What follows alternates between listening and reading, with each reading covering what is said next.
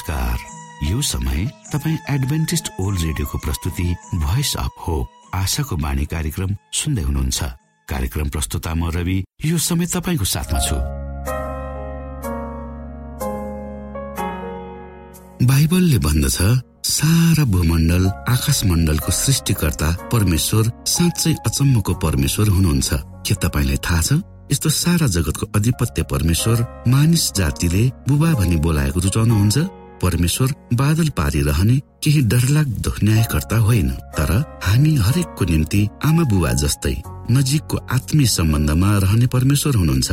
यस्तो प्रेमिलो परमेश्वरको विषयमा धेरै भन्दा धेरै जानकारी लिएर आफ्नो जीवनको बाँच्नुको उद्देश्यलाई बुझ्न सक्नुहुनेछ। जीवनको अर्थ बुझ्नु हाम्रो उत्तरदायित्व हो। आशाको बाणी कार्यक्रमले यी गहन कुराहरू बुझ्न तपाईँलाई मदत गर्दछ। आउनुहोस् हामी तपाईँलाई हाम्रो कार्यक्रममा स्वागत गर्दछौ। सुरुमा हामी मधुर क्रिस्टीय भजन सुन्नेछौ।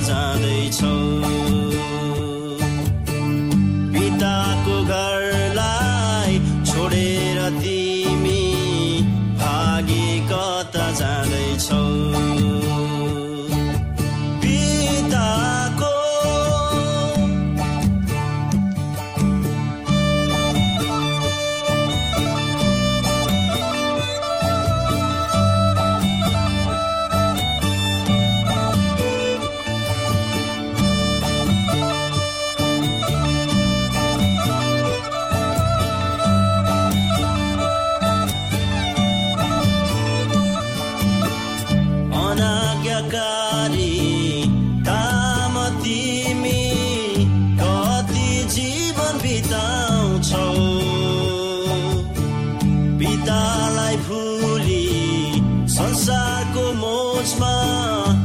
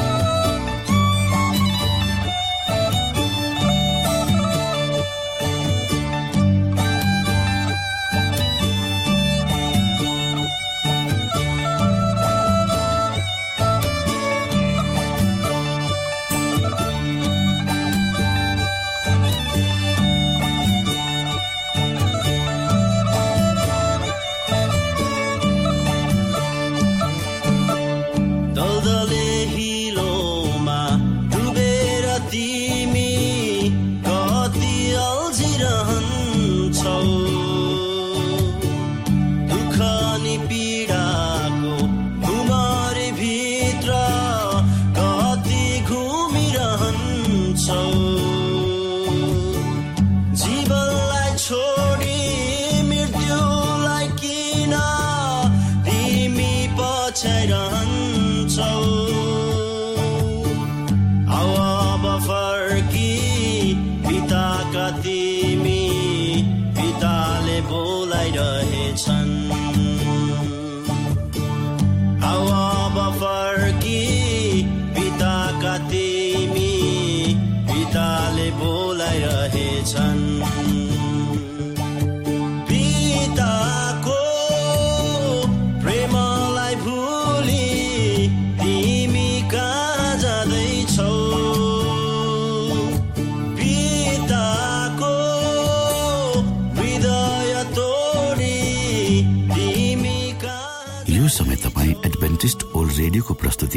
Voice of hope आशाको बाणी कार्यक्रम सुन्दै हुनुहुन्छ।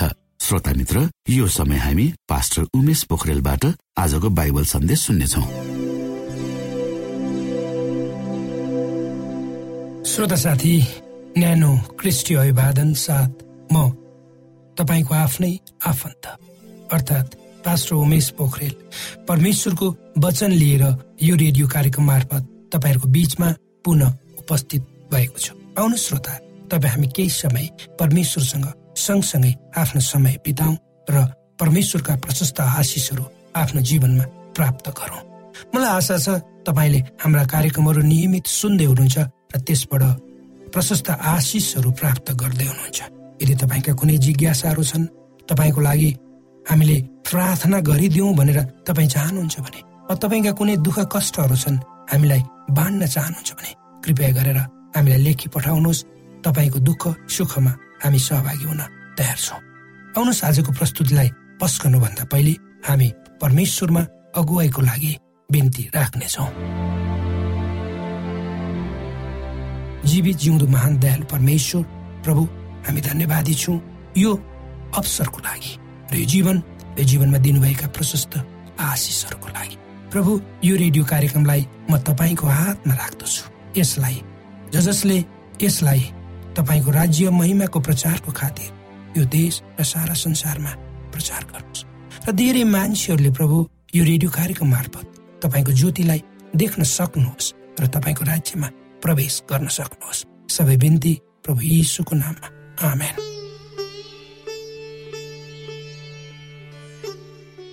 श्रोत साथी कहिलेकाहीँ हामी जानेर वा नजानेर गलत गर्छौँ वा गलत सोध्छौँ र आफूले गरेको सानो गल्ती परमेश्वरले स्वीकार गर्नुहुन्न भन्ने कुरा तपाईँ हामीले अनुभव गर्दछौँ। र यही कुरालाई आधार मानेर आजको प्रस्तुतिलाई म अगाडि बढाउनेछु। उनले घुँडा टेकेर परमेश्वरमा प्रार्थना राखिन्। ओ प्रभु उनी रोइन्। मैले फेरि गल्ती गरेँ। त्यसै गरी उनको श्रीमानले आफ्नो सानो अफिसको कोठामा बसेर गुनगुनाए र उनी बैचनीमा उनले बैचनीको अनुभव गरे र भने प्रभु मलाई क्षमा गर्नुहोस् किनकि म फेरि उनीसँग रिसाएँ भनेर उनले प्रार्थना गरे। म उनलाई फेरि प्रेम गर्छु। भर्खरै मैले उनीमाथि गरेका व्यवहारप्रति म क्षमा माग्दछु। मलाई लाग्दछ उनले मलाई छोड्छिन् अब मसँग बस्थिन् होला। त्यसै गरी एउटा बुढो मानिस ठुलो चर्चको ढोका अगाडि मरे तुल्य भए झैँ पसारिएर यसु परमेश्वरको पुत्र भनी कराउँदै मैले फेरि रक्सी खाएँ। आफूलाई कसरी म एउटा राम्रो मानिस भनौँ?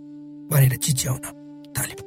यस्ता कुराहरू सारा संसारमा भएका मानिसहरूले प्रतिदिन हजारौँ पटक गर्ने गर्दछन् भोग्ने गर्दछन्। यो मेरो जीवनमा पनि भएको घटना हो भने तपाईँमा पनि भएको हुनुपर्छ भन्ने मलाई विश्वास छ। हुनसक्छ आजै तपाईँको जीवनमा यस्तो घटना भएको हुन सक्छ हामी परीक्षाहरूबाट माथि उठ्ने वा परीक्षामा नपर्ने कसम खान्छौँ र प्रयास पनि गर्छौँ।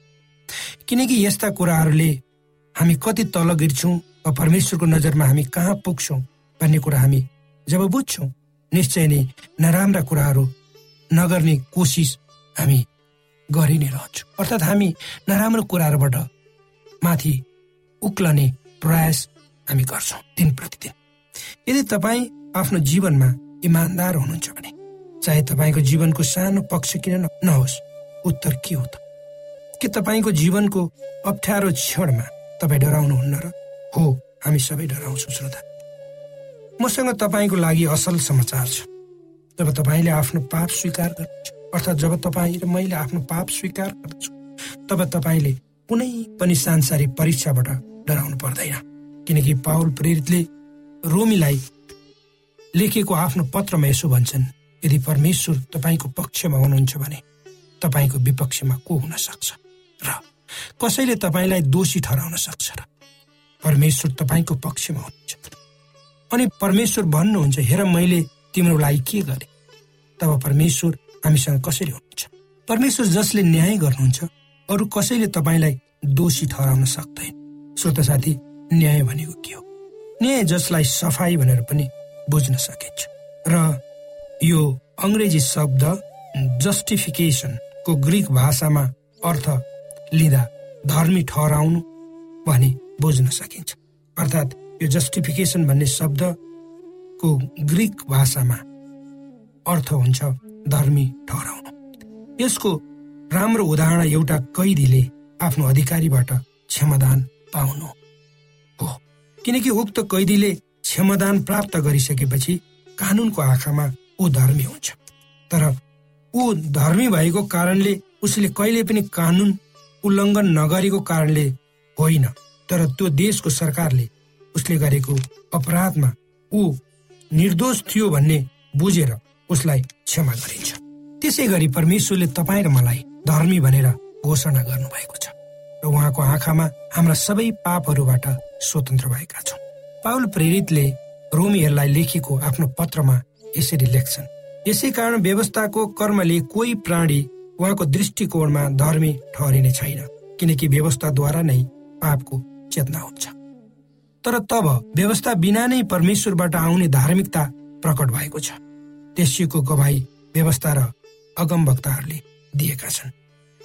यी वचनहरूबाट दुईटा विचार हामी देख्न सक्छौँ श्रोता। पहिलो विचार हो बाइबलले भनेको नैतिक नियम कानुनहरूभित्र रहेर यी वचनहरूबाट दुईटा विचार हामी देख्न सक्छौँ। पहिलो विचार हो बाइबलले भनेका नैतिक नियम कानुनहरू हामी रहेर जतिसुकै विश्वास योग्य भएर काम गरे तापनि हामी हाम्रो आफ्नै प्रयास वा कामले धर्मी हुन सक् अर्थात् आफूले आफैलाई परमेश्वरको अगाडि स्वीकार योग्य हुने ठाउँमा हामी आफूलाई उभ्याउन सक्दैनौँ त स्पष्ट रूपमा हामीले बुझ्नुपर्छ यसको समाधानको उपाय के हो भन्दा त्यो परमेश्वर हुनुहुन्छ। उहाँले हामीलाई धार्मिकताको वस्त्रले ढाक्नुहुन्छ। अर्थात् उहाँको अगाडि हामी पाप रहित हुन्छौँ। पावल प्रेरितले यसलाई अझ स्पष्ट रूपमा फिलिपीका विश्वासीहरूलाई लेखेको पत्रमा यसरी भन्छन् सम्पूर्ण रूपले म उहाँमा भएको पाइन सक। व्यवस्थामाथि आधारित भएको मेरो आफ्नै धार्मिकता होइन तर मेरो धार्मिकता यही हो जो क्रिस्टमाथि निर्भर हुन्छ। जुन चाहिँ विश्वासद्वारा परमेश्वरबाट आउने धार्मिकता हो। अर्को ठाउँमा पावल प्रेरित फेरि यसरी भन्छन् किनकि मलाई थाहा छ कि ममा अर्थात् मेरो पाप स्वभावमा केही असल कुराले बास गर्दैन। जे असल छ त्यो गर्ने इच्छा ममा छ तर म त्यो पुरा गर्न सक्दिन। किनकि असल काम जे म गर्न चाहन्छु त्यो म गर्दिन। तर दुष्ट काम जे म गर्न चाहन्न त्यही म गर्ने गर्छु।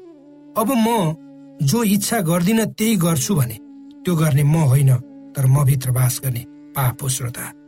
प्रभु येसुले उडन्त पुत्रको कथामा यसरी वर्णन गर्नुभएको छ।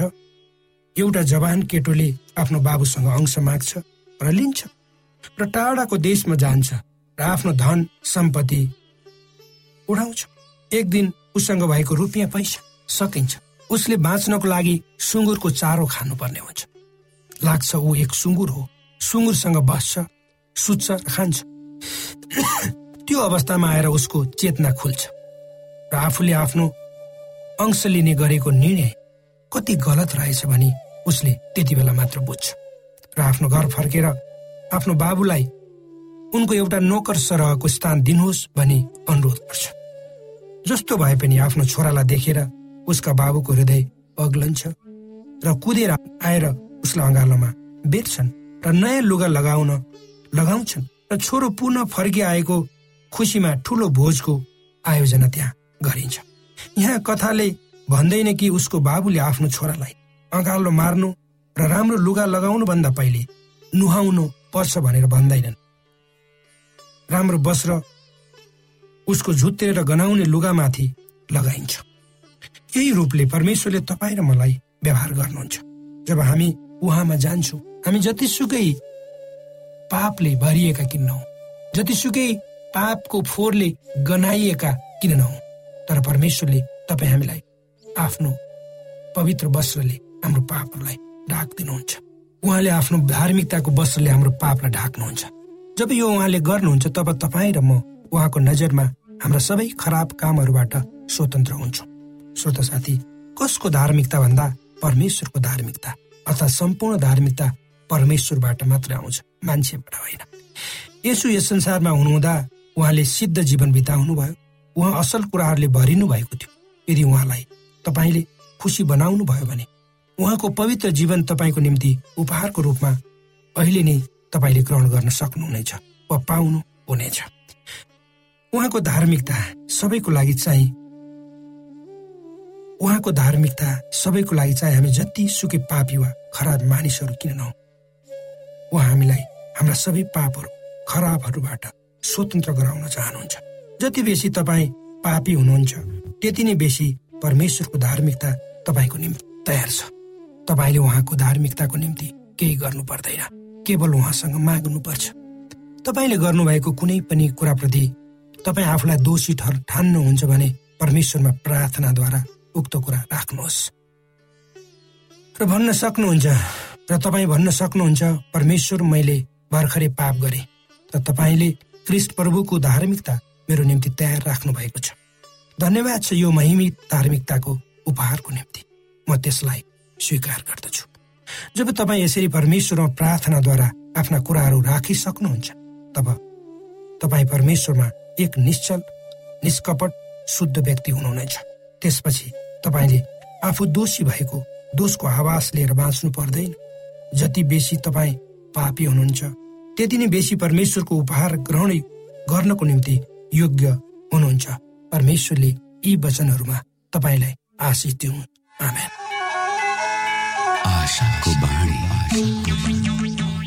श्रोता भर्खरै यहाँले पास्टर उमेश पोखरेलबाट बाइबल वचन सुन्नुभयो। यो समय तपाईँ एडभेन्टिस्ट ओल्ड रेडियोको प्रस्तुति भोइस अफ होप आशाको बाणी कार्यक्रम सुन्दै हुनुहुन्छ। कार्यक्रम सुनेर बस्नुहुने सबै श्रोतालाई हामी हाम्रो कार्यक्रममा स्वागत गर्न चाहन्छौ। श्रोता मित्र यदि तपाईँ जीवनदेखि हरेस खानु भएको छ तपाईँका जीवनमा धेरै अनुत्तरित प्रश्नहरू छन् भने आउनुहोस् हामी तपाईँलाई परमेश्वरको ज्योतिमा डोहोऱ्याउन चाहन्छौँ। तपाईँ आफ्नो जीवनका चिन्ता फिक्रीबाट निश्चिन्त हुनुहोस् र बाँच्नुको आनन्द परमेश्वरको सामिप्यमा कति मिठो हुन्छ त्यो चाख्नुहोस् भनी हामी चाहन्छौँ। श्रोता यदि तपाईँ आशाको बाणी कार्यक्रमलाई अनलाइन सुन्न चाहनुहुन्छ वा डाउनलोड गर्न चाहनुहुन्छ भने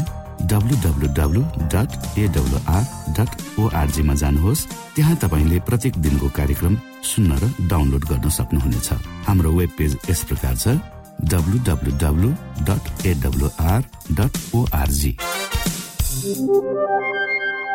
श्रोता यदि तपाईँ हामीसित सिधै फोनमा सम्पर्क गर्न चाहनुहुन्छ भने हाम्रा नम्बरहरू यस प्रकार छन्। अन्ठानब्बे एकसाठी पचपन्न शून्य एक सय बिस. अन्ठानब्बे एकसाठी पचपन्न शून्य एक सय बिस. र अर्को अन्ठानब्बे अठार त्रिपन्न पन्चानब्बे पचपन्न. अन्ठानब्बे अठार त्रिपन्न पन्चानब्बे पचपन्न. श्रोता उद्देश्य प्रेरित पुनर्जन्म देश देशभरको आत्मा परिवर्तित कथाहरूमा आजको कथा सुँगुर वा बँदेलको मासुले ल्याएको दुःख। जिल्सन निटो साओ टोमे र प्रिन्सिपे पश्चिम अफ्रिका। म सत्र वर्षको हुँदा एकजना छिमेकीले मलाई सेभेन द एडभान्टेज चर्चको बारेमा सुनाएको थियो। मलाई सुँगुर र बदेलको मासु खान मनपर्ने भएकोले छिमेकीको कुराको मैले वास्ता गरिन। अनि एक दिन मलाई कसैले म रहेको साओटेमोको अर्को गाउँमा हुने सुसमाचारी कार्यक्रममा भाग लिन मलाई निम्ति दियो। त्यस कार्यक्रममा म प्रत्येक दिन गएँ र एडभान्टेज चर्चको बारेमा अझ जानकारी लिन मैले मेरो गाउँ र ठेगाना त्यस कार्यक्रमको आयोजकलाई दिएँ। मैले थाहा पाउनु अघि नै मेरो छिमेकीले मलाई उसको चर्चमा मेरो नाउँ आएको र अर्को साबतमा उसँगै जान आग्रह गर्यो। त्यहाँ गएर तिमीले अझ धेरै कुराहरू सिक्नेछौ भनेर मलाई भन्यो। म अत्यन्त चकित भएँ। होइन मैले त अर्कै गाउँमा मेरो नाउँ दिएको थिएँ। तिम्रो चर्चमा मेरो नाउँ कसरी आयो? म घर निर्माणको मजदुर भएकोले म उसँग शनिबार चर्च गइनँ किनभने मैले शनिबार पनि काम गर्नु पर्दथ्यो। जब मेरो छिमेकीले म चर्च नगएको थाहा पायो तब सँगसँगै मिलेर बेलुका बाइबल पढ्यो भनेर उसले सुझाव दियो। केही हप्ताको बाइबल अध्ययन पछि दिनको ज्याला गुमाएर भए पनि सावत चर्च जाने मैले निर्णय गरे। जब म चर्चमा गएँ त्यहाँ मेरो धेरै छिमेक मलाई देखेर तिनीहरू धेरै खुसी भए। तर मलाई समस्या भयो। मैले हरेक शनिबार चर्चमा जान छुट्टी लिन सकिनँ। जब म चर्च नगई काममा गइरहेको बेलामा मेरा चर्च जाने सबै छिमेकीहरूले म कहाँ गइरहेको छु भनेर सोध्न थाले। अर्को साबत कसैले नदेखोस् भनेर लामो बाटो भएर काममा गएँ तर त्यहाँ पनि एकजना छिमेकीले मलाई कहाँ गइरहेको भनेर सोधेको थियो।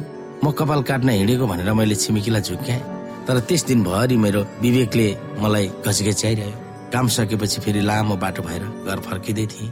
त्यहाँ पनि चर्चमा जाने विश्वासी छिमेकीहरूलाई मैले भेटेँ जो चर्चबाट घर फर्किँदै थिए।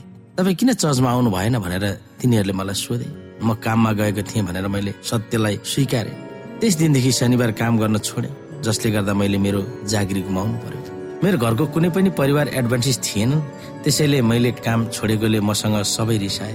मेरी आमाले सुँगुरको मासु मिसाएर खाना पकाउनुहुन्थ्यो तर मलाई त्यो मन परिरहेको थिएन। धेरैपल्ट म भोकै सुत्न गएँ। एक दिन आमाले मलाई सोध्नुभयो सुँगुरको मासु नखाने चर्चमा तिमी किन गइरहेका छौ? तिमीले शनिबार किन काम गर्दैनौ? मेरो बुबाले केरकार गरेर सोध्नुभयो।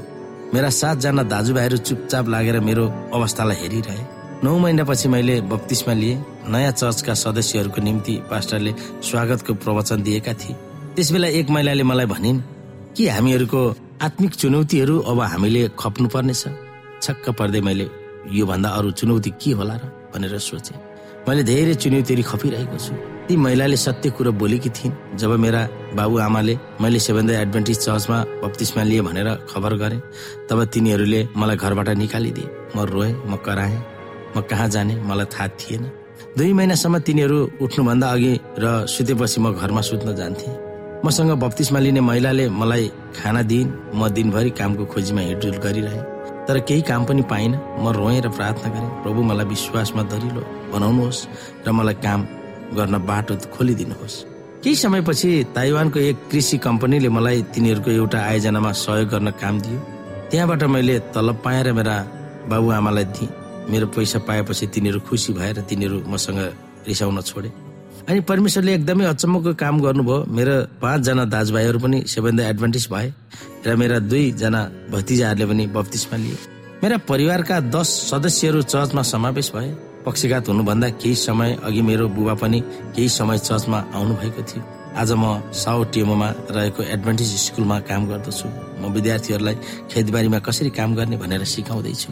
म अहिले विवाहित भएको छु। जुन महिलाले मलाई मेरो अन्धकारको समयमा मलाई खाना दिएकी थिइन् उनको एकजना बहिनी थिइन् त्यस महिलाले उनलाई चर्चमा लैजान मलाई हराउँथिन् ती महिला अन्तै सरे पनि उनकी बहिनीलाई चर्चमा लगिरहन मलाई अनुरोध गरेकी थिइन्। त्यस बहिनीले बत्तिसमा लिइन् र अहिले उनी मेरी श्रीमती भएकी छिन् र हामीहरूको छोरी भएको छ। बाइबलको एक पद म सधैँ याद गर्ने गर्छु। त्यसले गर्दा मलाई परमेश्वरमा अडिक हुन प्रेरणा मिलेको छ। त्यो भजन सङ्ग्रहको एक सौ पच्चिस अध्यायको एकमा छ जो परमेश्वरमाथि भरोसा राख्छ। त्यो सियोन पहाड जस्तै हुन्छ। उसलाई कसैले पनि हल्लाउन सक्दैन। ऊ सधैँ स्थिर रहन्छ। हो जो परमेश्वरमा भरोसा राख्छ त्यो सियोनको पहाड जस्तै हुन्छ र सधैँ स्थिर रहन्छ।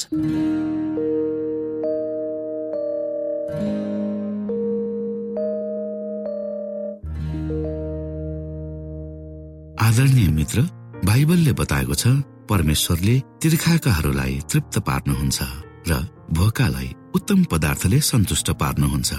हामीलाई दिइएको यो छोटो समय आशाको बाणीको प्रस्तुतिको समयमा हामीले हाम्रा श्रोताको आत्मिक भोकलाई केही मात्रामा भए तापनि सही प्रकारको खोराक पस्केर आत्मिक सन्तुष्टि दिन सकेका छौँ केही ऊर्जा थप्न सकेका छौँ भनेर हामीले आशा राखेका छौँ।